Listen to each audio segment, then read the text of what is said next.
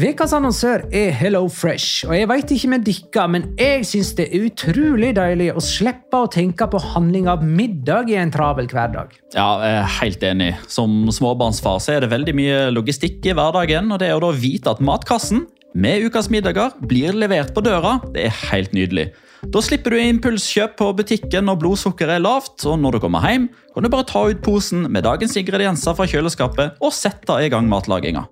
Ja, Du kan velge mellom 25 ulike retter hver uke. Og de har faktisk en egen kategori som heter Raskt og enkelt, med masse enkle og gode oppskrifter. Veldig greit å ikke måtte ty til takeaway hver gang det er hektisk på jobb. Jeg gleder meg spesielt til sterk chilikylling i min neste kasse. Jeg blir sulten bare av å tenke på det. Ja, Det er ikke feil med bacon og cheeseburger heller, da.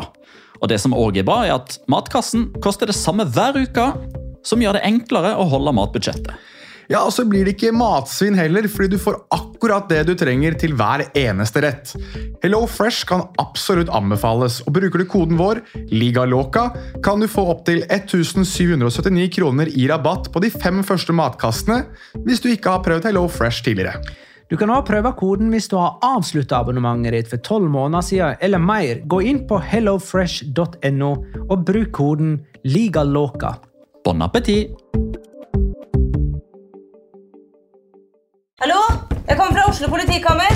Ine Jansen er purk. Er du purk? The motherfucking bitch. Alt jeg vil, er å finne ut hva som skjedde med mannen min. Jon Carew. Er jeg sikta for noe? Iben Akeli. Det er du. Ole So, Lars Berrum og Big Daddy Karsten. Hvem sin side er du på, egentlig? Anette Hoff, Tone Danielsen, Kommer du fra Afrika?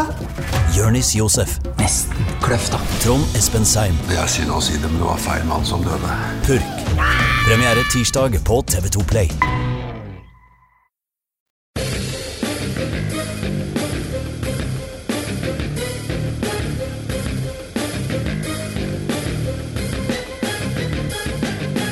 Har du sett? Om La Liga-trofeet havner i Catalonia denne sesongen, så er det i Girona.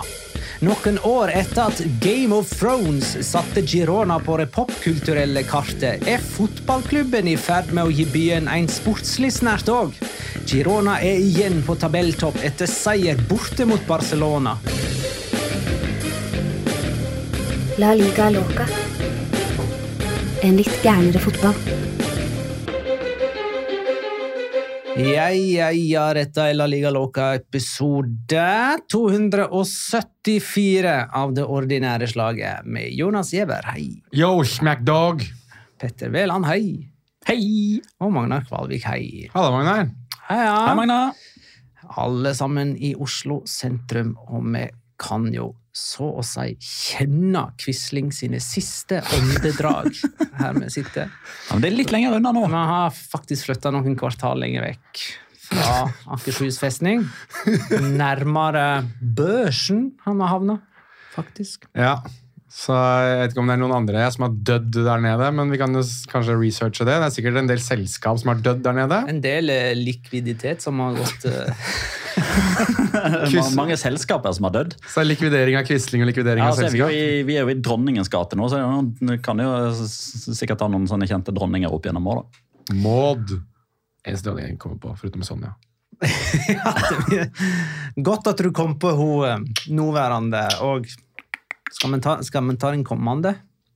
Ingrid Alexandra. Det er riktig! Nei, Ja, men nå er vi sterke. Kongehus, det må vi kunne. Altså, jeg, jeg beklager, men det er faktisk jeg er litt sånn seriøs på. Det må vi, eh, I hvert fall nåværende kongehus. Må vi vite hvem som skal regjere over oss. Ja. Fantastisk småsnakk. Nå går vi på runde 16, eh, kamp for kamp. Eller skal vi tease litt? Men La oss tease litt først. Vi skal kåre rundens spiller. Vi skal ha hver vår lokkeord. Og vi skal ha spørre Petter. Mm.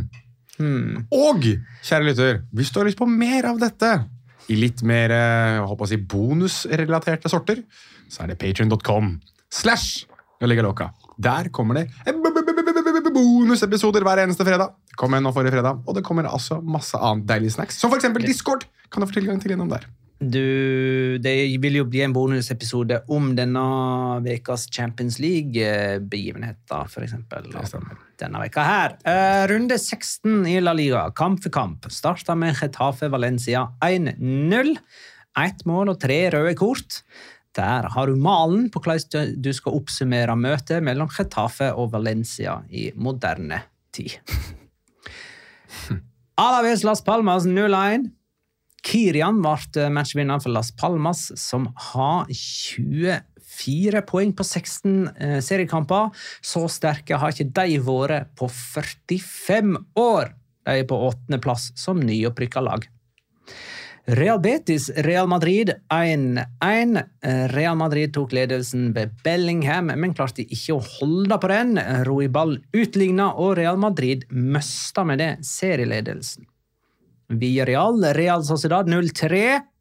Det sto faktisk 0-3 til pause her etter mål av Merino, Sobimendi og Kubo. Mallorca-Sevilla 1-0. Mallorca hadde ingen heimenseier, men så kom altså Sevilla på besøk. Kyle Larrin ble matchvinner med sitt første Mallorca-mål. Atletico Madrid, Almeria 2-1. Alvaro Morata og Angel Correa sørga for at Atletico vant sin 19. strake heimekamp. Granada Atletic Club, der står det 0-1 etter 17 minutt. Kampen ble ikke eldre enn det på søndag, pga. en nødsituasjon som oppsto på, på tribunen, men det utfall at en tilskuer døde.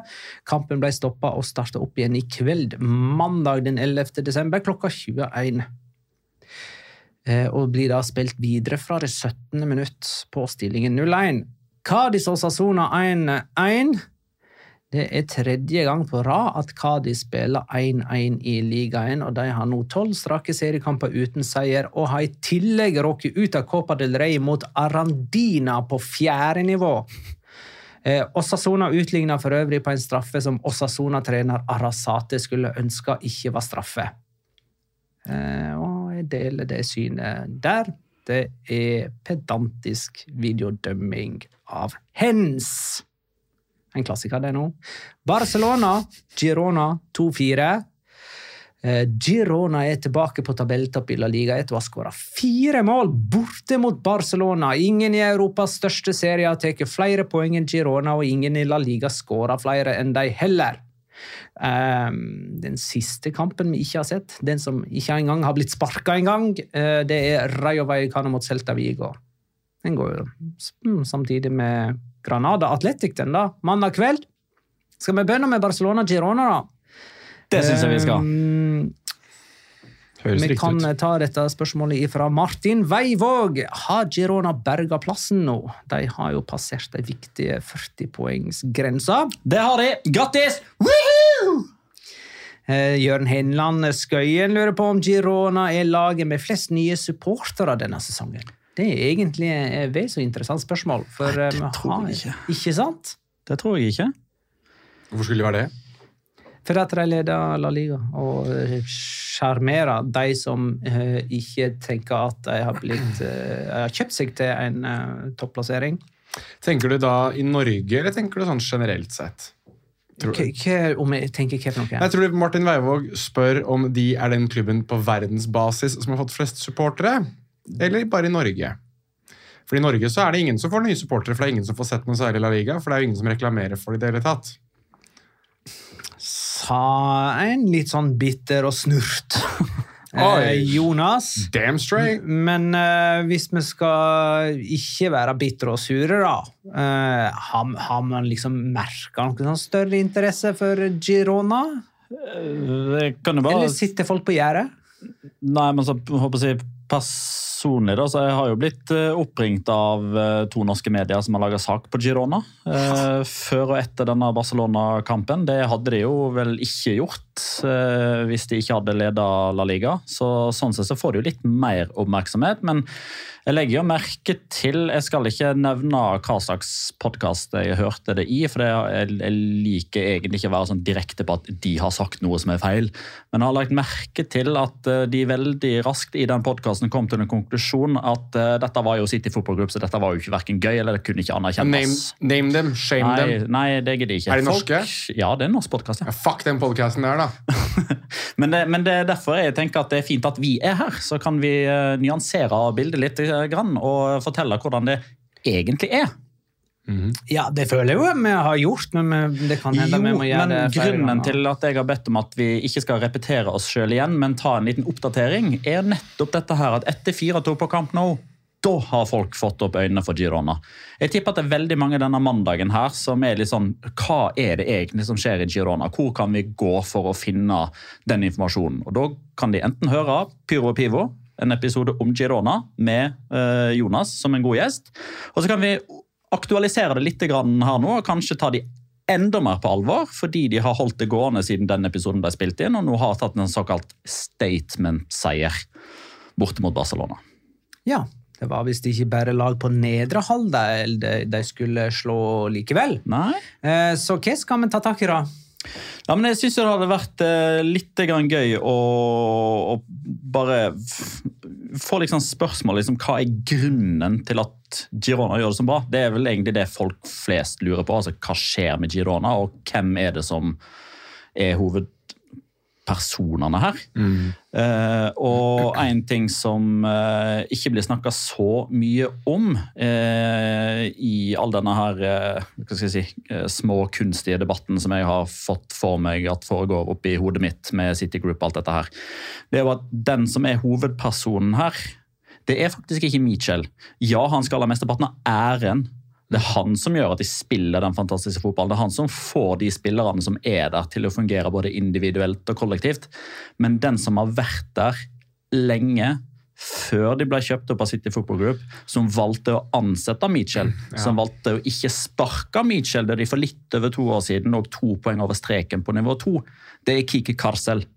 Det er mannen som har sydd sammen denne spillerstallen her, som består av så veldig mye forskjellig. Og det er det sånn jeg når jeg liksom skuer utover spillerstallen her altså Det er så mye forskjellig. Det er så mange forskjellige veier til Girona. Eh, For å ta eh, ett eksempel, da. Den spilleren som egentlig har blitt snakka minst om, sammenligna med hvor bra han gjør det. Han har blitt litt glemt fordi han har hatt Savinho på laget sitt.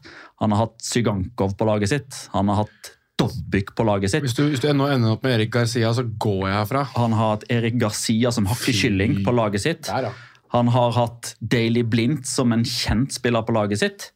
Men den som dukker opp som en sånn dark horse nå, som er nøkkelen til måten de spiller på her, er Miguel Gutierrez. Og hvem faen er egentlig Miguel Gutierrez? Som skåra på Camp Nou i går. Han bare tok rennafart etter å ha brent to sjanser og bare tuppa ballen opp i nettaket. Det er en spiller som har blitt veid og funnet for lett for Real Madrid. Det er en av disse her som ikke har blitt leid ut, men solgt. Riktignok med en tilbakekjøpsklausul som gjør at Real Madrid, som med stort sett alle andre spillere som går der, så har de muligheten til å hente han tilbake for en slikk og ingenting.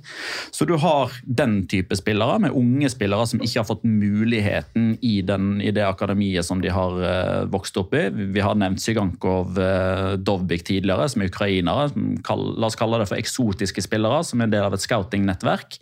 Savinho har vi nevnt. Daily Blindt, som er en mann som egentlig kanskje Ja, hva skal jeg si? Eh, Kanskje så på Girona som et fint sted å avslutte karrieren og få litt sol på kroppen etter å ha levd i München og Manchester og eh, Amsterdam årene i forveien. Eh, Du har en spiller som Porto, som er god ett sted og kun ett sted. Det er i Real, ikke i Real Sociedad, og det er ikke i Retafe. Det er i Girona. Altså, du har så mange forskjellige typer spillere. Da. Felles for de alle det er at akkurat nå så er de bedre enn noensinne. Mm.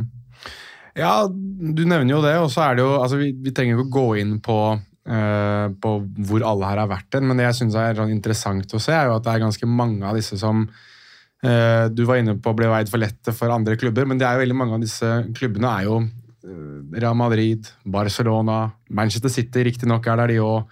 Altså det er klubber som vi på en måte anerkjenner som de største klubbene i verden. Så De har liksom blitt en sånn der band of brothers der de fikk ikke sjansen der. Eh, eventuelt så har de bare funnet sitt hjem i Girona. Det er liksom en sånn veldig interessant greie. da, sammensa- Så har du da Christian Stuani, da, som bare er der og er den største eh, legenden og helten av de alle. Um, I den kampen her og mot Barcelona. Så, altså, han har fått en sånn supersub-rolle som man kanskje ikke skulle tro at en person av hans standing ville tåle å ha. da.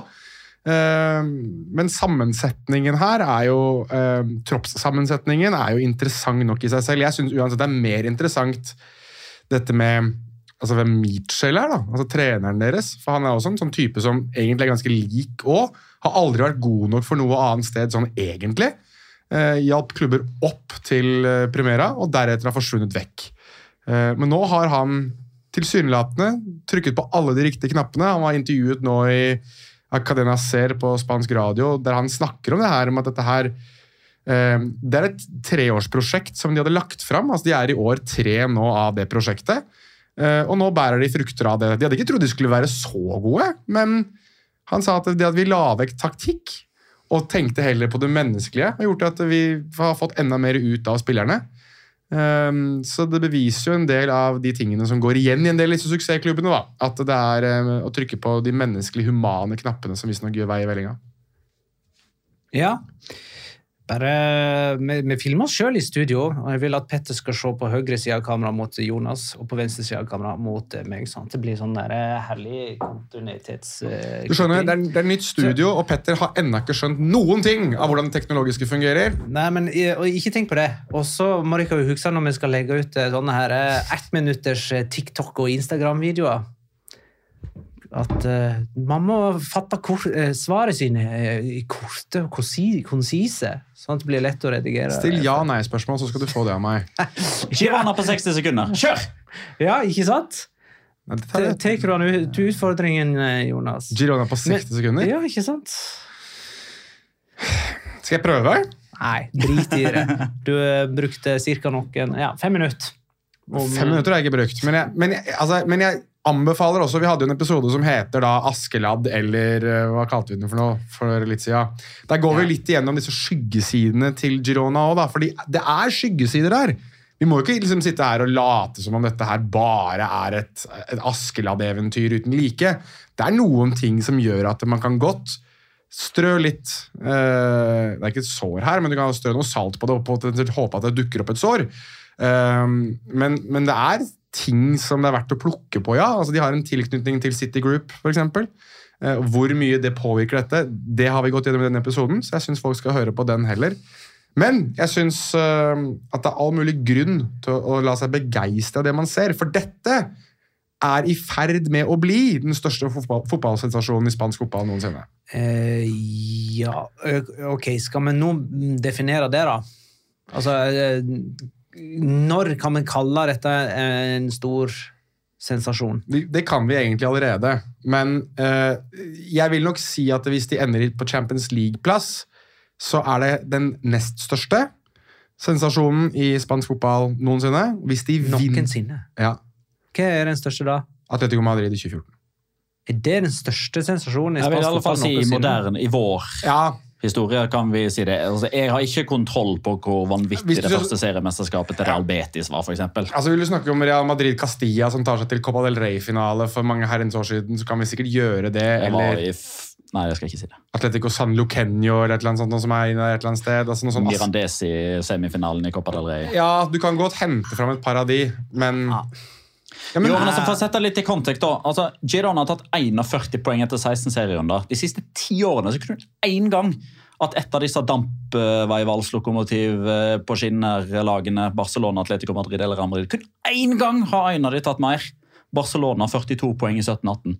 Kun én gang de siste ti sesongene så har Real Madrid, Barcelona eller Atletico Madrid gjort det bedre enn hva Girona gjør nå. Og så er det verdt å ta med at nå er vi 2022-2023. Da har vi akkurat steget sånn halvveis Vi skal litt inn igjen i en stortids, eller storhetstid for Barcelona, men Guardiola Mourinho-tiden er ganske greit over i 2012-2013. Vel, er det ikke det? Jo, men altså, Dette er, 23, er en periode der Barcelona og Real Madrid har vunnet Champions League, og Atletico Madrid har vært i to finaler i Champions League. Jo, jo, men samtidig, de poengrekordsesongene kom jo like før. Så Ok, ja, men da, bare- nei, Girona har ikke gjort det så bra, for det er ikke på høyde med Pep. Nei, de har, gjort, de har gjort det veldig bra, men jeg synes jo at du må Nå tenker folk sånn Oi, er det så sykt? Så, nå, Ja, det er så sykt! så påpeker jeg nå at eh, ja, det er veldig sykt, men det er ikke like sykt som det som skjedde de fem årene før de ti siste årene. Jo, jeg vil si at eh, Girona sine 41 poeng hadde vært mye større enn Barcelona sine eventuelle 48 etter 16 under Pep, pga. forutsetningene og forventningene. Ja, det kan jeg godt være med deg på, men uansett. Mm, ja, vi kommer ikke i mål her. Eh, bare du, Petter, har jo snakka om at eh, Girona er veldig tru mot sin egen stil uansett hvem de møter, og hvor hen de møter. Mm. Nei. Eh, og det har vel noe med spillerne å gjøre, i tillegg til altså, Det er greit nok at Mitchell ber spillerne om å utføre noe, liksom. men det gjør de jo òg. Og da har de jo enorme ferdigheter. Så vi kan jo ta hver vår runden spiller nå, eh, Jonas. Kan vi godt. Eh, og det er jo vingbekkene deres. Jeg har Jan Koto, Og jeg har Miguel Gutierrez. og du har Miguel Gutierrez. Og det er Grunnen til at jeg velger han høyre vingbekken, det er for at han er helt vanvittig til å holde på ball. Eh, og tør det, liksom. Selv mot Barcelona, selv under høyt press og sterkt press av Barcelona-spillere, så holder han på ballen og er helt uredd. Og evner å komme ut av det. Det er ikke nødvendigvis sånn at han dribler forbi eh, eh, gjennom hele eh, Barcelona, men han klarer på en måte å holde av det der første presset som gjør at Girona får spilt seg ut da, Mm. og høyt opp i banen. Og han hadde jo den eh, Han var tredje sist på skåring nummer én, Mm. med en lekkepasning gjennom til Sygankov. Mhm. Eh, og du har Gutierrez, vi har allerede nevnt uh, målet hans. Vi har nevnt målet, så jeg trenger ikke å si så veldig mye om, om scoringen hans, men det jeg syns han er eh, ekstremt flink på, er det å forstå litt hvordan han, hans rolle kan påvirke det oppbyggende spillet til eh, Girona, i angrep spesielt. Han er jo egentlig som er inne på, en wingback slash ren venstreback, men han søker mye innover i banen, som gjør at Girona alltid har enda flere i sentral eh, i sentrale ledd, som gjør at de alltid er i overtall. Han er veldig flink til å observere når han skal gjøre det, og når han skal holde seg bredt. Der er han helt enestående. Samtidig så er han eh, utrolig god på bare det å markere mannen sin når de forsvarer. Altså Han er god på det å ikke måtte takle, ikke kaste seg inn i ting.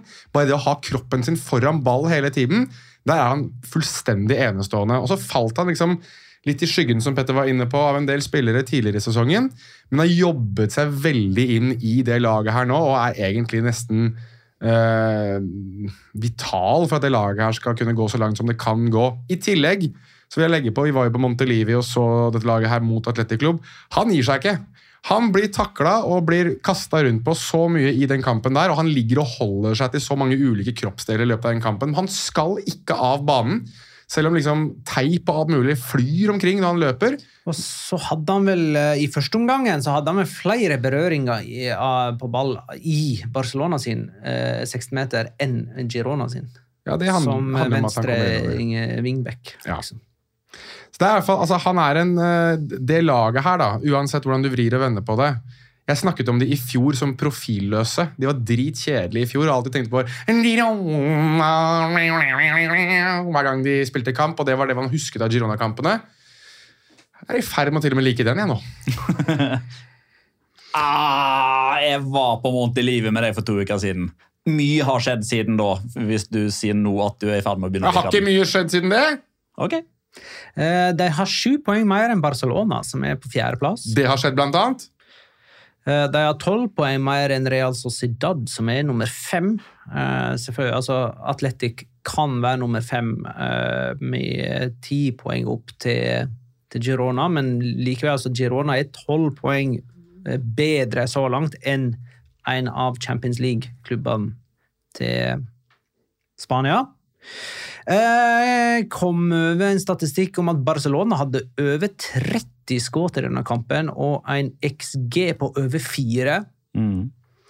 Eh, Så de kunne jo på en måte skylde litt på ineffektivitet her. Det gjorde òg Xavi. Skal vi snakke litt om Barcelona nå, eller vi har ikke et ett punkt eller to til om Girona? Eh, nei, ikke noen særlig flere punkter om Girona, annet enn at jeg, jeg syns det er fint å ha nevnt at uh, denne dette fokuset på individet til Mitchell, som har gått igjen en del nå, jeg tror det kommer til å bli snakket mye mer om utover i sesongen. Um, også fordi at han selv har innrømmet at han har slitt mye med mental helse. og um, har hatt panikkanfall og slike ting. Uh, jeg vet at det Det er det mange, meg selv inkludert, som sliter og har slitt med. Så jeg syns det er veldig fint at uh, han er veldig åpen om de tingene der, og at han også viser at selv om man påvirkes av sånt, så kan man prestere så godt som man gjør i en så uh, ekstrem kultur som det toppfotballen er. Ja. Det var det jeg ville si. Uh, Magnus Oi lurer på hvilke parametere er det Xavi foreløpig viser prov på å kunne inneha verdensklasse når det kommer til coaching og management. Det er et stort spørsmål. Ja, Det er et veldig stort spørsmål, og jeg tror egentlig man måtte ha vært litt mer til stede på treningsfelt osv. for å kunne ha en kvalifisert mening om det. Men vi sporer vel ikke den store innovasjonen eh, i, i måten de spiller fotball på, eller Nei, hva det resulterer nei. i, liksom. han har ikke et klart stempel, det vil jeg ikke si. Det er kanskje lettere For jeg husker at eh, da det, liksom, da det begynte å ordentlig ryktes at det var Chavi som skulle ta over, så husker jeg at det var veldig mange som så en sånn YouTube-video som Chavi hadde vært med å spille inn på, der han forklarte hvordan han mener fotball skulle spilles da han var trener for Al-Sad. Masterclass. Ja, det var masterclass. Ja. Eh, og det så jo veldig bra ut. Altså, det å presentere det på den måten der med, med eksempler osv. i teori, så er det ikke noe som helst tvil om at Xavi er en fotballklok herremann. Han var ekstremt smart som fotballspiller. Og han har definitivt et treneremne i seg, men spørsmålet er om dette her med, med timing, om det er rette tid og sted. Om Barcelona med økonomiske problemer, den spillerstallen på Montjuic, er det som skal få Xavi-fotballen til å få bein å gå på. Men hva er Chavi-fotball, da? Nei, men Det er jo nettopp det også. Det er veldig lett å ha en Xavi-fotball i Al-Sad, der man i utgangspunktet var klart best, og man kunne få det han pekte på sånn innenfor de målestokkene. Ja, har han ikke fått det? ja? Han har fått det i Barcelona. Nei, det har han ikke. Det, har han, ikke. det har han vel. Nei, Se på alle de spillerne han fikk inn forrige sommer. da. Altså, Palanca-gate osv. Jo, men Ikke sy noe puter under armene på han nå. jeg syr ikke pu, det forklarer min oppfattelse av realiteten. Og min oppfattelse av realiteten er at Xavi sin periode i Barcelona er ikke den perfekte måten for å få Xavi til å utøve sin fotball på. Fordi han skal ha en sånn type spillestil som er ekstremt vanskelig å få til. Og hvis noe ekstremt vanskelig skal kunne bli gjennomført, så er et av de viktigste elementene å ha en bedre spillergruppe enn hva Xavi har akkurat nå. Og En av årsakene til det er at Messi har forsvunnet, at Neymar har forsvunnet, at eh, Busquets har gitt seg, og de har ikke blitt erstatta. Fordi blant annet, man har ikke økonomiske midler. Ja, hvis du lager en spillerstil som er laget for at Lionel Messi og Busquets og så videre skal inn i den, da må du kanskje bli litt mer pragmatisk. Ja, men Det er jo det, det, er jo det jeg sitter og sier. Jo, men han har blitt det, men altså, du, kan ikke, du kan ikke basere en spillestil på at du skal ha Lionel Messi tilgjengelig. Altså, Han er jo åpenbart, han fikk alt han pekte på forrige sommer. Det gjorde han. altså Helt seriøst. Han fikk ikke alt han pekte på. Han fikk mesteparten av det som var realistisk innenfor Barcelona sin økonomiske realitet. De, altså, de smadra jo ulike klubber på overgangsvinduet. Altså, Chelsea var jo i ferd med å signere Julius Condé, f.eks. Ja, Der var Barcelona rett inn. ja, Arsenal og Chelsea ville ha Rafinha. Ja. Der skulle Barcelona rett inn. ja. Og hva ble de henta for? Altfor mye penger. Nei, altfor lite penger i Barcelona-målestokk. Barcelona skal opp og hente på 110, 120, 130. Ja, men- Den belegris mann. Det er der de skal ligge, bare at det skal lykkes bedre enn hva de gjorde med de tilfellene der. Barcelona er ikke en klubb nå som kan konkurrere med Manchester City og Arsenal. Aston Villa kan pisse på Barcelona på Ja, men, det men det går jo for veldig mange av disse Premier League-klubbene. Kan jo gjøre det med de største i, i, i ja, La men det kunne de ikke ha gjort for eksempel for fem, seks, sju, åtte år siden. Men verden har beveget seg videre fra det. Men hva er Chawi-fotball? Kan du fortelle meg hva Chai-fotball er? Ingen som vet! Nei, Nei? nettopp. Og det er jo det som frustrerer disse Barcelona-supporterne. De vil vite hva er det vi egentlig sitter og ser på. Hva er det vi skal knagge dette på? Meskeon klubb, eh, katalansk stolthet, alle disse greiene her. Vi skal spille fotball på denne måten. Tikki taka, sikki saka, flikki flaka. Altså, det er piss, hele greia. Det er det det er blitt nå når du sitter og ser det Barcelona-laget. For det er en startoppstilling, og så håper jeg at Joao Felix eller Joao Cancelo skal fikse et eller annet. Det er det laget er blitt. Eh, Det er en anonym som eh, spør har ikke noen tips til hvordan man kan slutte å bli så emosjonelt påvirka av hvordan klubben din presterer spillemessig og resultatmessig. Det er nitrist å være Barcelona-supporter for tiden. Jeg, mitt tips er å se på serier. Det liker jeg veldig godt. Kan du se- Eller så kan du se gamle kamper der du kan huske at, det, at der du vet hva resultatet blir. Så kan du nyte det istedenfor. Ja, eller så må man prøve å innta en sånn eh, Ta på deg et eh, menneskelig eller et sånn der emosjonell rustning, der man tenker at det jeg opplever nå, gjør at oppturen som ligger en gang der i det fjerne, blir enda bedre. Ja, altså, må jeg, jeg skal ikke gå inn på sam- samme rant igjen. Vi har jo gjort det for et par episoder siden. Men hvis du er Barcelona-supporter, og du er utrolig lei deg for at det går litt imot laget ditt nå, bli voksne. Men eh, det er lurt å ha et godt kosthold. Det er lurt å trene, sånn at man føler seg litt sånn eh, Hund kan være lurt å ha. Hund og katt kan hjelpe, men det, for meg er sånne ting veldig stress. Eh, Ja. Det blir for stort ansvar. Men da er det serier som er din greie. Så serier, trening, greit kosthold, sånn at man er fornøyd med sitt eget dagsverk. på en måte, Og hvordan man tar vare på seg sjøl. Operasjon Dagsverk. Eh, så det er det beste tipset jeg kan gi. også. Mm, hvordan er det med Real Madrid-supportere? Det noen grunn til å være furtne etter 1-1 mot Betis, eller? De pleier jo å være det når de ikke vinner. Mm. Da er det Angelotti må gå. Den er, ikke, den er rett rundt svingen. Er Real Madrid svake, som i Sauge bare tar det ene poenget? Eh, eller er det noe med Betis, som jo svært sjelden taper? Det er nok det. Eh, og i den kampen her så var vi jo noen centimeter fra å få det virkelige ekskjæreste-comebacket til uh, Isco. Mm. Han er jo så nære ved å vinne den kampen uh, på slutten der for, eh, for Betis. Det hadde jo vært Det, det hadde vært sånn, altså, det, det hadde vært to statistikker som hadde kryssa seg så enormt bra hvis Isco hadde satt den. Fordi Isco har ikke eh, hvor, altså, Isco og Pellegrini har ikke vunnet mot Real Madrid siden Isco og Pellegrini slo de sammen med Malaga i 2011. Kan jeg få lov til å komme med en parallell til Du var inne på dette med serier, Magnar. Kan jeg komme på en film uh, som en sånn parallell til den kampen der? Vi var nesten ved å få Rocky 3, vi. Uh, fordi altså, Rocky uh, taper jo da mot Clubber Lang, altså Isco må forlate Real Madrid. Eh, Rocky må så trene og trene og trene og trene mens han ser Clubber Lang bare bli bedre og bedre og bedre. Cl Clubber Lang var jo Mr. T. A beautiful! Altså, jeg husker ikke Mr. T Husker ikke, husker ikke Mr. T? i Rocky. tre. Rocky, Rocky 3 Nå skal vi gå gjennom det en gang til. Rocky 1 Nei, nå skal, dere, nå skal dere lære dere Rocky. Rocky 1 er Rocky mot Apollo Creed. Den kampen ender uavgjort. Rocky 2 er rematchen. du, må, du må ikke spoile. Du kan, du kan ikke si hvordan det går. Eh, Ok, Rocky 2 Rocky 1 Apollo Creed. Ja, Rocky 2 Apollo Creed igjen. ja. Rocky 3 Clubber Lang. Clubber Lang er nå utfordreren til Rocky. Clubber Lang spilles av Mr. T. Mr. T var med i A-Team, for de som husker det, for er eksempel. han, ja. Apple the alle greiene der. Det som skjer, er jo uansett hva, hva er, er, hva er, når, hvem er to Dov Lundgren? Det er fire. Det er Da, fire. da møter han Ivan Drago. Men den, skal Ivan Drago var det! Han, er, han husker jeg. I must break you. den kommer senere. Det er, Ivan, det er Artem Dovbyk, okay, det som er Ivan Ja, greit, så han der er A-team-fyren i Ja. treeren. Og her kommer spoiler alert for dere som ikke har sett Rocky 3. 1001, 1002, 1003.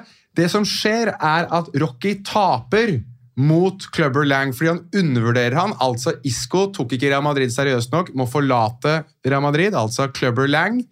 Han går så og vinner og vinner og vinner, mens Rocky i det fjerne og i det stille begynner å tvile på seg selv, vet ikke om han skal fortsette karrieren sin, må finne ut om han skal utfordre Clubber Lang på ny. Og så gjør han det, og så vinner han mot Clubber Lang. Der var Isco fryktelig nære ved å bli Rocky på tampen av Rocky 3. Dessverre så ble det uavgjort mot Real Madrid slash Clubber Lang. Rocky Riquelme er min hund. det. Der har du Segwayen til andre ting du kan gjøre. Film og bikkje. Uh, Jude Bellingham har skåra tolv mål på sine 14 seriekamper. Uh, er ikke det litt morsomt at ni av er på bortebane? Han har en sånn collection nå med den feiringa si på store stadioner. han. Ja, men vet du hva? Hvis jeg hadde vært Jude Bellingham, eller hvis jeg hadde vært hans um, personlige assistent, eller PR-sjef. Ja, eller nei, den som skulle innrede eh, penthouse-leiligheten hans, eller gården, eller villaene, eller hotellrommet, eller hvor det nå er han bor. Altså Bare få opp en collection av de stedene han har stått med den ikoniske feiringa. Bare få på San Mames, Ramón Sánchez Pizjuan, selv om det ble annullert. Mes, eh, ikke Mestalla ennå, men eh, Montjuic. Benito Villamarin, Montjuic, Santiago Bernabeu. Bare, bare få det opp. Den, den, den skal kompletteres, den veggen der. Han, han får ikke fred, han kan ikke gi seg. Han må holde det gående fram til han har stått i sin positur på alle stadionene i Spania. Um, er det noen som har internett her nå, som kan sjekke hva som blir den 19. seriekampen for eh, Real Madrid? For altså, de to neste kampene, nummer eh, 17 og 18, det er Villarreal hjemme og Alaves borte. Det er før jul for eh, Real Madrid. Mallorca hjemme.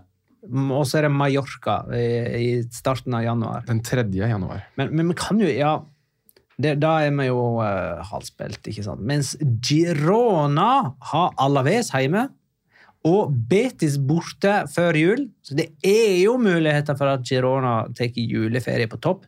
Og så har altså Atletico Madrid på nyåret uh, som på en måte fullfører runde én av sesongen, kan du si.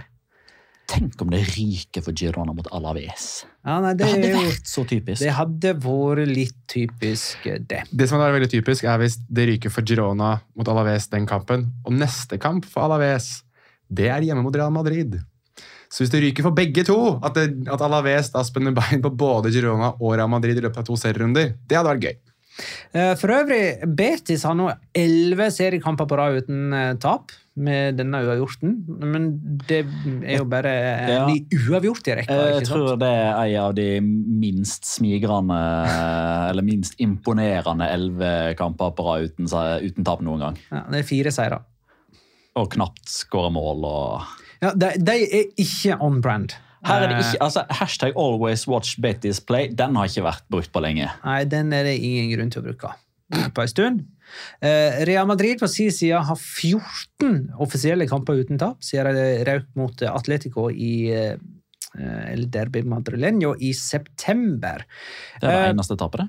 Det er eh, deres eneste tap, faktisk. De møter Union Berlin eh, i Champions League denne veka. Der er mulighet til å kjøre noe rotering.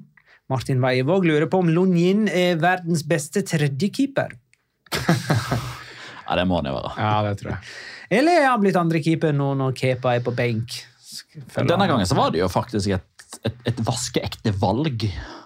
Der Lonin faktisk da ble valgt foran Kepa. Ja, der ser du. La Decision, eller?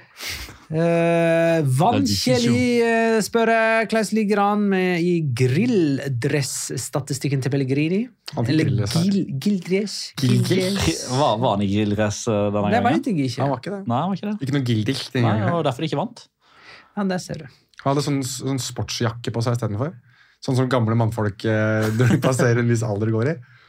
Skal vi snakke litt grann om at Real Sociedad slo via Real 3-0 på La Ceramica, eller? Eh, Dette var jo liksom to lag som skulle duellere om gjeve europacupplasser.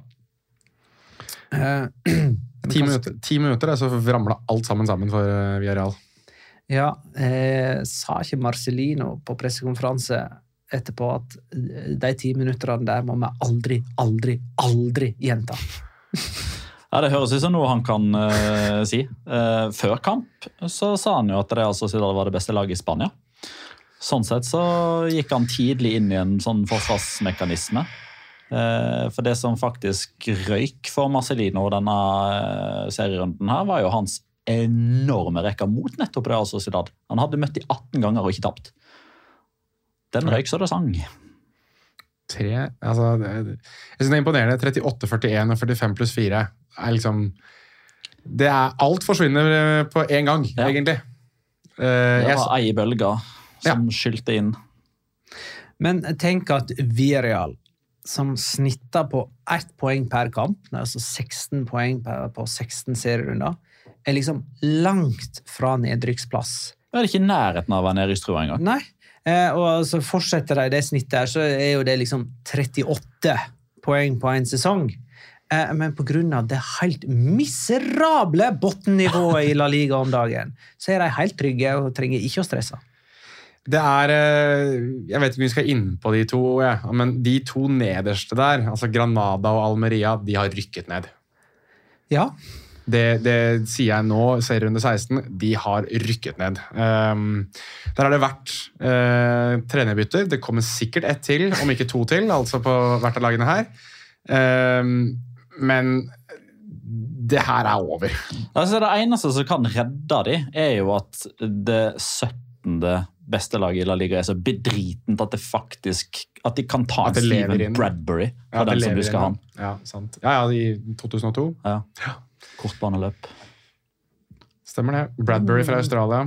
Peter Losvik lurer på hvordan annen posisjon eh, på hvordan annet lag skriker mer etter januarforsterkning enn keeperplassen til Villarreal. Ingen. Ingen! Um, Jeg tror det er ganske greit oppsummert. Hvor hen tror Petter de hadde vært med en habil førstekeeper? Som De Gea eller Rajkovic eller Ledesma. Tiendeplass. Altså, ikke, ikke så veldig langt over, men at de hadde hatt en tre-fire poeng mer, det Ja. For det, men skal ikke glemme at de har hatt litt stusslige trenere så langt denne sesongen òg. Ja, altså, jeg skal ikke legge for mye på Filip Jørgensen, men uh, han, han viser ingenting i mine øyne som gjør at han uh, fortjener å være førstekeeper for Villarreal nå. Og så vet jeg at noen kan komme og i hermetegn arrestere meg og slenge opp den statistikken som viser at det er han som har flest redninger i La Liga denne sesongen. Men for å sitere José Mourinho hvis han hadde vært trønder, det er statistikkskudd som han har plukka enkelt. Villarreal har 29 baklengs på 16 seriekamper. Så mange har de aldri hatt etter 16 serierunder Ja, i Primera. 19 av de er på hjemmebane. Altså, Ingen taper så mange heimekamper som Fy faen, nå koser du deg. De har seks tap på La Ceramica og har aldri før tapt flere enn sju i løpet av en hel sesong. Jeg synes for øvrig Det mest imponerende så langt er at når Petter snakker trønder, så høres det ut som Eldar Vågan som prøver å snakke trønder. Det er ganske imponerende. Fortsett du, Magnar. Ja, Real Sociedad har bare tre tap på sine 23 offisielle kamper. og det var, Jeg har nevnt det før. Det var mot Atletico, Real Madrid og Barcelona. og Dette er jo lag de ikke møter igjen før i april. Og de møter Inter til serie Nei, ikke det blir gruppefinale blir det. I Champions League. Tirsdag kveld. Eh, eh, ikke Gøran, men Alexander Sørloth kom inn i denne kampen. her. Er han tilbake, liksom?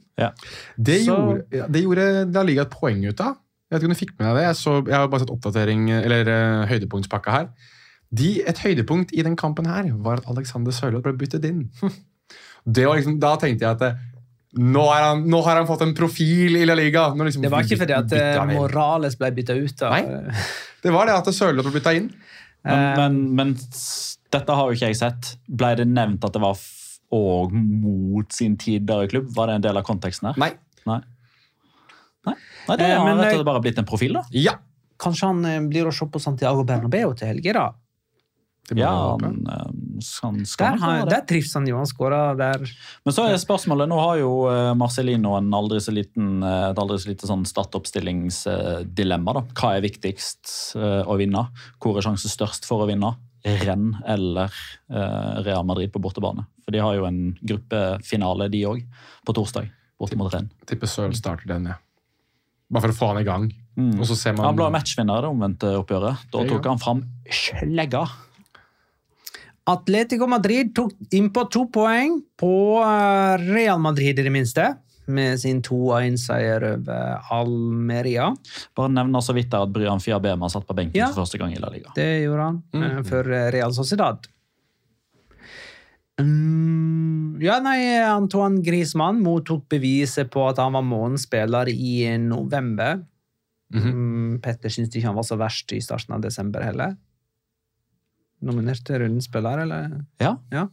Han er Og en, altså, ting er jo det som er si, eh, mest iøynefallende, med at han er involvert i, i skåringer nesten hele tida nå, han og Alvaro Morata, som er et fantastisk par. Men begge de to skåringene til Atletico Madrid starter jo pga. den defensive jobben han legger ned.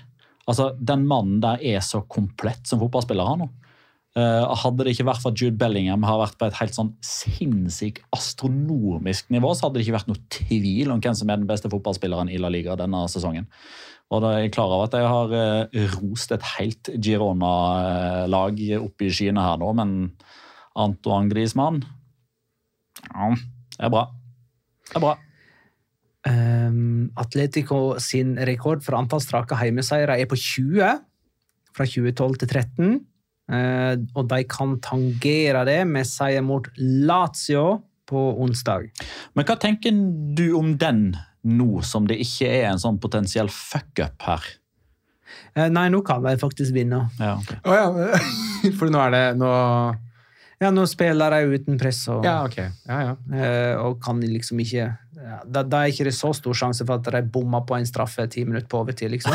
Nei, så her, så, Og på returen. Eh, og, og, og ha en egen spiller der som redder på streken Ja, ja. på returen. så her kan det bli 6-0, liksom, egentlig. Nei. Nei, det kan ikke bli så mye, nei. Det var litt for mye. Ja, de slipper inn mål, ja. Ah, ok, ja. Eh, og så punkterer de ikke kampen. Nei, så det, det, så det blir en sånn derre sånn eh, Sofrimiento hvor de må vente til siste blås? Ja. Sånn som det var mot Almeria. Ja, det er litt sånn, ja. Uh, Almeria fire poeng på 16 seriekamper. Uh, det er hva sa jeg, fire poeng på 16 seriekamper. Det det det? Ja. mm. uh, Samme som Elcha altså hadde i fjor. Som er, og, og så, hadde ikke også Levante for et par sesonger siden noe helt sånn latterlig lav poengsum i løpet av den første halvdelen av sesongen. Altså Det er alltid noe, føles det som. Malaga hadde for noen år siden. Ja. Ja, og Sasona Granada sesongen før der igjen òg. Der var det sånn at ne- nedrykksstriden var ferdig i mars. den ene sesongen der. Det er litt for mye sånt nå. Eh, Det virker som avstanden mellom topp og bunn i Spania har blitt større, og det uten at toppen har blitt så veldig mye bedre. Ja, det, det er et veldig godt poeng, syns jeg. At eh, Vanligvis ville man sagt at ah, nei, men, eh, det er så ekstremt stor forskjell mellom topp og bunn. Og eh, det er jo det, men for en gangs skyld så er det liksom ikke et storklubbenes feil, egentlig. Det virker bare som rekruttering og prioritering, ikke minst, av de mindre klubbene. Eh, altså Da snakker jeg om Granada Almeria her, da. Har bare vært pil råtten drit dårlig. Eh, jeg, må jo, jeg må jo få si det. altså det å bytte ut El Bilal Touré og, og Omar Sadiq med Ibrahima Kone, f.eks., det må være en av de største nedgraderingene av en spiss på lang lang tid i La Liga. Nå, nå skal riktignok ikke vi snakke så mye om Ibrahim Kone ennå. Han må jo ha mer tid liksom, til å bevise seg i La Liga, kanskje. Men så langt så ser det virkelig ut som de har gått fra indrefilet og nå sitter igjen med First Price Carbonada. altså. Um, det, og det syns jeg er egentlig litt synd på Almeria for. Ellers så har Atletico et ganske barskt opplegg eh, framover, med fem kamper på 14 dager. Eh, For de fleste spanske klubbene så er det jo midtvekeoppgjør rett før jul, og så er det juleferie. Men Atletico har jo òg den vesle julaftenkampen mot eh, Sevilla, så det er ganske tøft. Uh, Angel Correa har en morostatistikk. Han har skåra i 51 seriekamper uten å tape noen av dem. Og om han unngår tap neste gang han skårer, så har han satt ny rekord i Primera med 52 oppgjør. Hvor mange var det Alvaro Morata hadde? Hadde ikke han ganske mange nå? Han passerte vel han Grosso. Han Ja. hadde 53, og så skåra han i et tap. Så derfor er han liksom ute av ligninga. Er Alvaro Morata ferdig? Så han har 53, da, basically. Jo, jo, men han er jo vekke. Altså, det er jo flest kamper som han har skåra i uten å tape noen. Ja, men, rek Alvaro Morata har jo etter at han passerte Grosso, så har han tapt. men den stoppa på 53. Ja, Uh, det må være litt færre, tror jeg. Uh, men ok, samme det. Eh, det er ikke så viktig. Skal vi snakke litt mer om eh, lag som på en måte er, står redaksjonshjertet nær? Eksempel Valencia, som jo er ditt lag, Jonas. Er det noen som eh, klager mer enn deg over hvordan laget ditt gjør det? Eh, og er laget ditt det beste av deg som blir støtta i dette studio? Om det er noen som klager mer enn meg på Valencia? Eh, Ja, Chris Robin Eriksen klager mer enn meg på Nei, på altså eh, i dette studio. Uh, hvem klager mest? Klager jeg mest på Sevilla? Uh, Petter mest på Villarreal? Eller du mest på Valencia? Jeg tror jeg vinner den bare av at jeg har sagt at jeg tror Valencia rykker ned, og jeg står fortsatt på det. Ja, og hvem er best av de tre lagene i La Liga? Eh, På Tabellen lyver jo litt her, da, men eh, akkurat nå så forteller den meg at eh, Valencia har tre poeng ned til Villarreal, og så har de seks poeng ned til Sevilla. Mm. Akkurat nå. Ja, men de tapte mot Getafe. Jeg fikk et spørsmål fra Chris Robin Eriksen. Der, ja. Og siden han er Valencia-supporter, så regner jeg med at dette spørsmålet har noe med Valencia å gjøre. Har nok det. Så bare spør jeg. Kanskje noen burde slutta med frukt og olivenolje til frokost? Ja, ja, Quadra Fernandes, dette. Men uh, dette er din story, Jonas. Hvem er Quadra Fernandes? Det- Alle vet at det er en La Liga-dommer. Det er uh, dommeren som hadde den kampen her. Og Quadra, Hvem er Anthony Taylor? Uh, Quadra Fernandes eh, Eller eh, jeg håper å si Hagenes i eh, den spanske Hagenes, eh, for de som har tatt den saken som skjedde nå i helga. Jeg så han en gang da jeg var på tur med La Liga. og dette Baskerlands, denne Baskerlandsturen som jeg var på tidlig i 2023. Eh, Da skulle han dømme oppgjøret mellom Real Sociedad og Atletic Club, der både Kobo og Sørloth scora. Og da bodde vi tilfeldigvis på samme hotell som han. Og da så jeg han til frokost. Så jeg, Så han til frokost? ja. Så da, det jeg la merke til var at Han spiste veldig veldig mye frukt og dynka det han hadde på tallerkenen sin i masse olivenolje. Så olivenolje og frukt på han. Ja, Eh, og her ga han da tre røde kort som følge av At han spiser mye frokosten Ja, mest sannsynlig. F I januar. Fra frokosten i januar. Han har ikke spist siden, vet du. Han var hangry. Derfor han viste, viste ut alle disse her.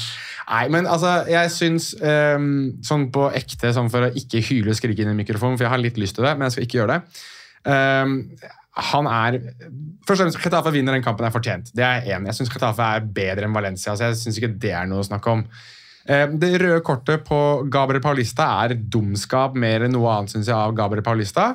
Mens de to røde kortene, altså det ene på Javi Guerra og det andre på Domingos Duarte, er rett og slett fordi Cuadra Fernandes mister besinnelsen. Altså han, han har null tykk hud. Der Alberola Rojas, som du hater, Petter, mest sannsynlig hadde stått også bare mm, med ansiktet sitt opp i trynet på spilleren eller gestikulert eller noe sånt nå, så bruker Cuadra Fernandes bokstavelig talt 0,43 millisekunder på å komme seg ned i baklomma og vise to røde kort. Eh, Han får noen slengbemerkninger mot seg og tilter full tilt poker. Eh, Det er helt ekstremt hvordan han ikke klarer å ta til seg noe som helst kritikk uten å skulle vise ut spillere.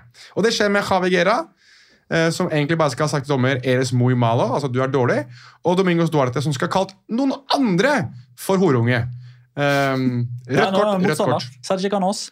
Ja, Valencia har på sine siste 21 kamper i Madrid null seire, tre uavgjort og 18 tap. Mm. Eh, Det er ganske dårlig.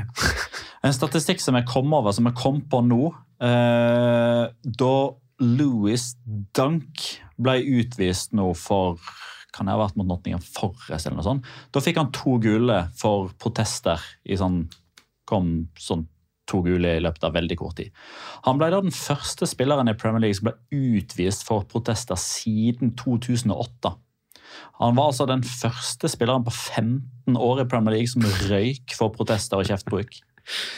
Det, det, det Siden, er siden eh, sesongstart 2022-2023 så har 18 La Liga-spillere fått direkte rødt kort eller andre gult for protester. Det, det er så gøy. Eh, og mm, mange av de røde kortene der de kommer i oppgjør mellom Getafe og Valencia. Det har blitt 17 røde kort på de siste 15 møtene mellom disse. Så det så. Eh, Vi kan snakke litt eh, grann om Mallorca-Sevilla òg. Bare sånn for å Ja. Ja, Der er, der er Litt spent på hva dere mener om den annulleringa. Eh, ja, nei, jeg var jo inne på det der pedantiske hens-greien til videodømmingen i uh, Cádiz og Sassona. Eh, den eh, annulleringen til Sevilla er jo ikke noe bedre. Den eh, det er like irriterende. Der var det vel et skudd fra Adria Pedrosa, som vel gikk så vidt via albuen til Enesiri, var ikke det sånn? Mm. Eh, og så er jo reglene ganske klare på at skårer man med hånd, så er det annullert. Ja, og Det er nettopp derfor jeg mener at den er klink. Ingenting å diskutere. Eh, nei, jeg er helt enig. Men jeg mener at det ikke sånn- bør være sånn. Men Mm. regelverket står klar. det, Nei, det står det ikke jo- klart og tydelig at du kan ikke skåre mål med hånda, men Det er jo regelverk og VAR-protokoll som er det Ja. Jeg uh, synes den Jeg skjønner ikke hvorfor vi tar den opp. Den er jo Ballen endrer retning. Der er Jeg ser at det er masse skrik og skrål og okay, skrotvarer. skrotvar. Og... Nei, men, men til og med jeg som ikke sier nummer én at jeg faktisk har snudd litt den VAR-debatten sånn som det praktiseres. Jeg liker ikke hvordan VAR praktiseres. Uh, og jeg har også sagt tydelig at jeg skjønner ikke hands-regler. Uh, syns det her er hands. Ballen endrer retning. Mm. Det er det som utgjør forskjellen her for meg. Ja. Så jeg syns den er grei. Uh, er det noe mer uh, å si om presset på Diego Alonso siden sist? Han burde vært sparka i går. Ja, men altså, vi går vel ut av studio om en halvtimes tid, og kommer vel pressemeldinger da, tenker jeg. Ja, så det, det kan være så nært forestående. Liksom. Men altså, nå, nå møter de jo Lens, Ja, og må vinne for å komme til Europaligaen. og de har jo reist dit med altså, de, de har, altså, Den troppen som de reiser med der, er noe av det blodfattigste jeg har sett noensinne. Elleve A-lagsspillere. Elleve A-lagsspillere! Resten er ungdommer som bare fyller flyet for at de skal ha noen på benken. Hva er greia, da? Det er haugevis med skader og karantene. Ah, ja. Men det, for meg, så er det lovende. ja, det, det kan du godt si. Men altså, altså. men altså, Lucas og Campos og Fernando ble jo begge utvist i forrige kamp. Marcao og Janusei er ikke skrevet inn i Champions League. Nyland, Jesus Navas, Badé, Nianzou, Acuña, Soso, Lamela, Mariano, Lukebakio og John Jordan er alle skadet. Uh, ser man vekk fra Copa del Rey-kamper, så har ikke Sevilla vunnet siden september. Det er over to måneder siden. Ja. Så uh, Men da er det på tide med Locora! Ukens La Liga. Locura. La Liga Locura. Det er greit. Er det noen som har lyst til å begynne, kanskje? Jeg kan begynne, jeg, siden vi var inne på eh, noe lokorask eh, for ikke mange minuttene siden. Eh, For Vi skal tilbake til Retafe Valencia og antall utvisninger der. Men det som, altså Én ting er disse 17 på 15. Men det som er helt ekstremt, og som er La Liga-rekord by far, er jo Valencia sin prestasjon oppi dette. her. De har fått en spiller utvist mot Retafe i sju sesonger på rad. De har avslutta med ti, av og til òg med ni. Sju sesonger på rad. Det er ganske imponerende. Ferdig. Ja, eh, jeg kan godt ta neste, hvis det er greit, Jonas. Eh, Las Palmas de har tatt 24 poeng Ok, ja, kom igjen. med 14 skåringer. Ok, ja, fair enough. Det er utrolig effektivt. Altså 14 mål, 24 poeng. Almeria de har skåra 17 mål og tar fire poeng. eh, og så eh, kom vi over den eh, franske Ligue 1, der eh, NIS ligger på. Altså, Dere som har internett, det har jo ikke jeg. De kan bare slå opp eh, Ligue 1-tabellen Hvorfor har ikke du og hjelpe meg eh, litt. NIS de ligger på andreplass, eller? Det gjør de. De har skåra 16 mål Det har de. og tatt 32 poeng. Det er også riktig. Det syns jeg er forbanna imponerende. Og så mener jeg et lag som ligger tredje sist, kan det være Trois? Uh, det er Loria. Loria. Ok, hvor hen uh, ligger Trois? Troa spiller i ligg 2. Ja, ikke sant, der ser du. Men er det ikke det et eller annet lag uh, som ligger på nedrykksplass i, eh, i Frankrike? Nå skal jeg lese opp. Ja, men altså, det, det laget som har skåra flest mål blant de som er i nedrykksstriden, ligger på 16. plass og heter Lorient. 16 mål. Nei, 20 mål. 20 mål, sant? Så de har skåra fire mål flere enn NIS. Og hadde ligger på nedrykksplass. ja, det, Lyon hadde også 14, bare for å ha nevnt de. Som ligger helt sist. Ja, det er jo helt sjukt. Lyon ligger sist. Ja, det er, men det er 14 mål. To mindre enn Ja, ja, men det er færre, det, da. Nei, altså. Det var en, eh, eh, en eh, Ligue 1 Er ikke det Ligue 1 Uber Eats? Uber Eats. Det blir mange språk på en gang her. Ja, det var, den, den var for tricky. Nå er det din tur, Jonas. Ligue Uber Alles, er det Lokka? Ja, skjønner du? Nei, altså, det, det var litt gøy, fordi eh, du begynte på en Las Palmas-locora, og det var jeg veldig glad for, for jeg synes at vi må snakke litt mer om Las Palmas, så jeg hadde lyst til å vie min locora til akkurat det. De er på åttendeplass, du har vært inne på det her nå, og de, de har liksom gått veldig under radaren. Og der de har blitt spesielt gode, i hvert fall de siste fem kampene deres, er på bortebane. Der har de virkelig begynt å stråle. Altså De siste fem bortekampene deres, altså hvis jeg starter på den første 1-2 borte mot Villarreal, som vi er inne på at er dårlig på La Ceramica, men uansett. 1-2 borte mot Almeria, som rykker rett ned. 1-1 på, eh, på El Sadar, der Osasona spiller hjemmekampene sine.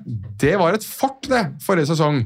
Og egentlig sesongen for der nå, der man snakket om at det å dra til El Sadar var et reneste helvete. De tapte riktignok 1-0 mot Betis på Benito Villamarin, men vi har jo hørt at Betis taper jo aldri. Eh, Så det beste de kunne fått der, er jo 1-1 uansett. Eh, Og så nå da 0-1 på Menizarossa, der de da spiller mot det mest bedritne fotballaget i hele verden, Alaves. Eh, Men de står da altså igjen med tre seire, én uavgjort og kun ett tap på de siste fem bortekampene. For et lag som er nyopprykka.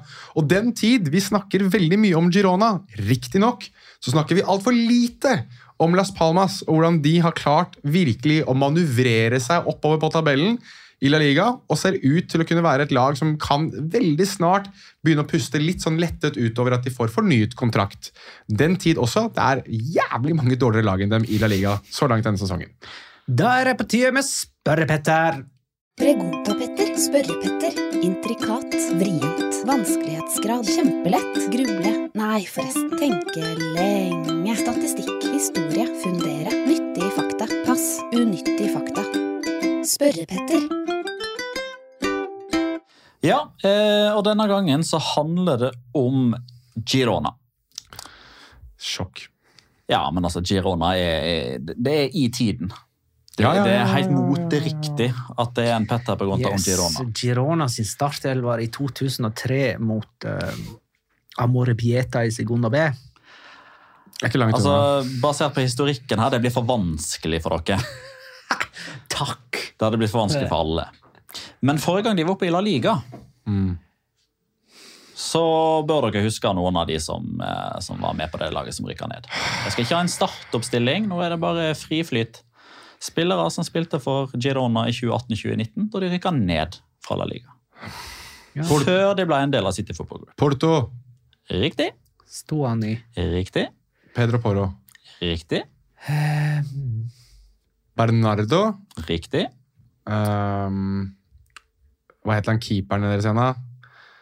Uh, kan være ennå, han keeperen. Jeg tror han er der ennå. Juan Carlos eller noe sånt? Nei. Han var der ikke da. Uh, Maffeo. ja, han var der ikke da. Hæ, var ikke Paolo Maffeo der, da? Nei. Nei, for han var veldig sånn City Var ikke han City Gnom, altså. Pablo Mafeo var der sesongen før og ble solgt til Stuttgart. Pere Pons. Ja. Det er sånne mange som spiller som han sånn derre navn. Pons. Ja. Uh,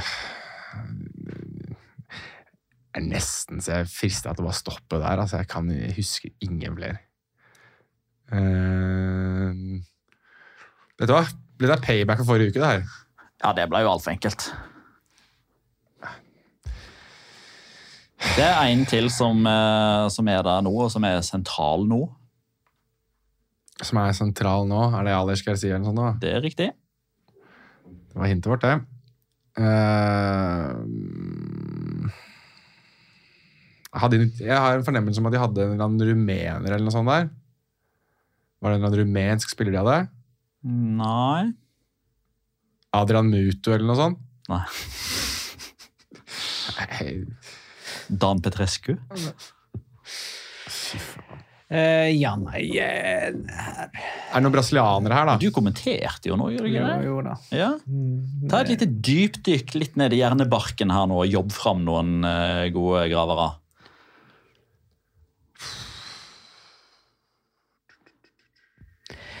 Ja, Det er to kan... spillere til som fortsatt er det. Men er vi på eh, Altså, skal vi ta han treneren, da? Jeg kan godt ta treneren. Eh, Fint å name-droppe han, hvis du husker hvem det er. Jeg tar han, du. Jeg, jeg vet hvem det er, men Eh, Det var ikke Pablo Machin? Nei. Var ikke ikke Pablo Machin? Ikke når de rykka ned. Nei, eh, for at han, Han rykka opp med dem, og så forsvant han til Spanjol. Mitchell, altså han andre Mitchell. Nei. Nei, sant. Er han treneren her aktuell med noen klubb nå? Nei, han er dessverre syk. Han er syk. Mm. Treneren er syk. Ja. Og er det, er det han tidligere assistenten i Barcelona? Han- Eh, tenker du på Onsue? Ja, Nei, det er ikke han. det kunne jo ha vært. Han er jo syk. Ja, det han kunne ha vært han. Dessverre. Um, Syk? Altså sånn ja, altså, typ uh, hardt skada i ei ulykke. Og fast bestemt på at det er årsaken til at han ikke er tilbake inn i arbeid. liksom. altså, Ulykke da? Bilulykke? eller? Fallulykke. Fallulykke? Jeg har ikke fått med meg det hele Han falt fra en balkong i Valladolid mot slutten av 2020. Men hvem var det som var spiss med Stoane, da? Det var Porto. Å ja. ja, ja Tenker om han som kant der, da. Nei, nei eh, Kan Jan Gillerera ha vært der? Nei. Men eh, jeg har sagt tidligere at Jangel Herrera minner meg om en type. Som ja, var det da. Ja, Darwin Machis? ja, han, si. han minner deg om en type. Mm. Hvem faen er det, da? Litt samme, altså samme posisjon, samme spillestil, litt samme lynne. Det er en liten link her med klubb òg. Han har vært innom Girona, han har sikkert innom en del andre klubber han har, som Jangler er innom da. Han har innom halve La Liga, så det er vanskelig å gå ja. Ja, men det er ikke La Liga-klubben jeg skal inn på. Til City-type, da. Han har spilt i City eller vært en del av City, liksom. Tilknyttet Manchester City. Ja, Så det er en eller annen City-loney. Miks Diskerud. Nei, eh, vi må opp, opp med nivået her. Han, han er en av de beste spillerne i sin posisjon. uh, as we speak. I verden. Mm, ja, det vil jeg si. Det vil jeg si. Når han er i den ligaen, så er han automatisk det. Hvilken liga er han i nå? Premier League. Det er ikke Rodri, liksom? Nei. For jeg kan ikke huske at han har Han var ikke utlånt dit. Han blir trent av en spanjol. Da fjerner du for så vidt ikke så mange alternativer. Da. Douglas Louise. Ja, Douglas Luiz er riktig. Ja. Det, det, der ga du mange gode hint. Ja. Det, det gjorde du. Så er det en eh, landsmann. En, bra, en annen brasilianer. Nei, eh, din landsmann. En marokkaner. Mm. Uh, Marokka... Girona? Mm. God med henda. Keeper? Bono! Yasin Bono. Ja, det hadde jeg faktisk Ja. glemt. Han eh, herja på Mestalla, eksempel. Ja, fy faen, han var i Girona, han, ja. Jesus Christ. Nei, men eh, jeg tror vi må runde av der. jeg. Ja, jeg kommer ikke på noen flere. Så hvis du har lyst til, hvis du har lyst til å gå gjennom de, så er det jo hyggelig, da. De vi mangler. Ja, altså, de som eh, figurerte mest, da. Uh, Juanpe som stopper. Han er der fortsatt. Ja. Uh, du har Pedro Alcala. Det er en liten dyping. Borja Garcia han er der fortsatt, men Ja. han spiller jo ikke nå fordi han er skada. Alex Graney var sendt sentral på midten der. ja, han husker jeg. Eh, Reservekeeper var Gorka Iraisos. Faen! Han, han kommer seg rundt steder. Han har vært mye rare steder. Men, altså, han lever fortsatt. Uh, ja, altså Han levde i 2018-2019 iallfall. Ja. Uh, men det var vel hans siste sesong. Han la opp etter den sesongen. Uh, og så har du en spiller som vi har Det blir drøyt å kalle han for venn av podden, men han har vært gjenstand for diskusjon før. i alle fall. Jonas Ramaljo var der. Ja, Mark Moniesa. Ja faen. Eh, Chocky Lozano. Han har vært der òg, ja. Yes. Valeri Fernandes er der fortsatt. Og Seido Dumbia. Valeri han skåra jo til og med mot Barcelona. Seido Dumbia! Nei, men da, eh, Vi er tilbake på fredag på Patrion. Mye oppsummering om spanske Er lags europacupprestasjoner denne veka. Og eh, takk for at du lytta, kjære lytter. Ha det, da! Ha det, da. Ha det.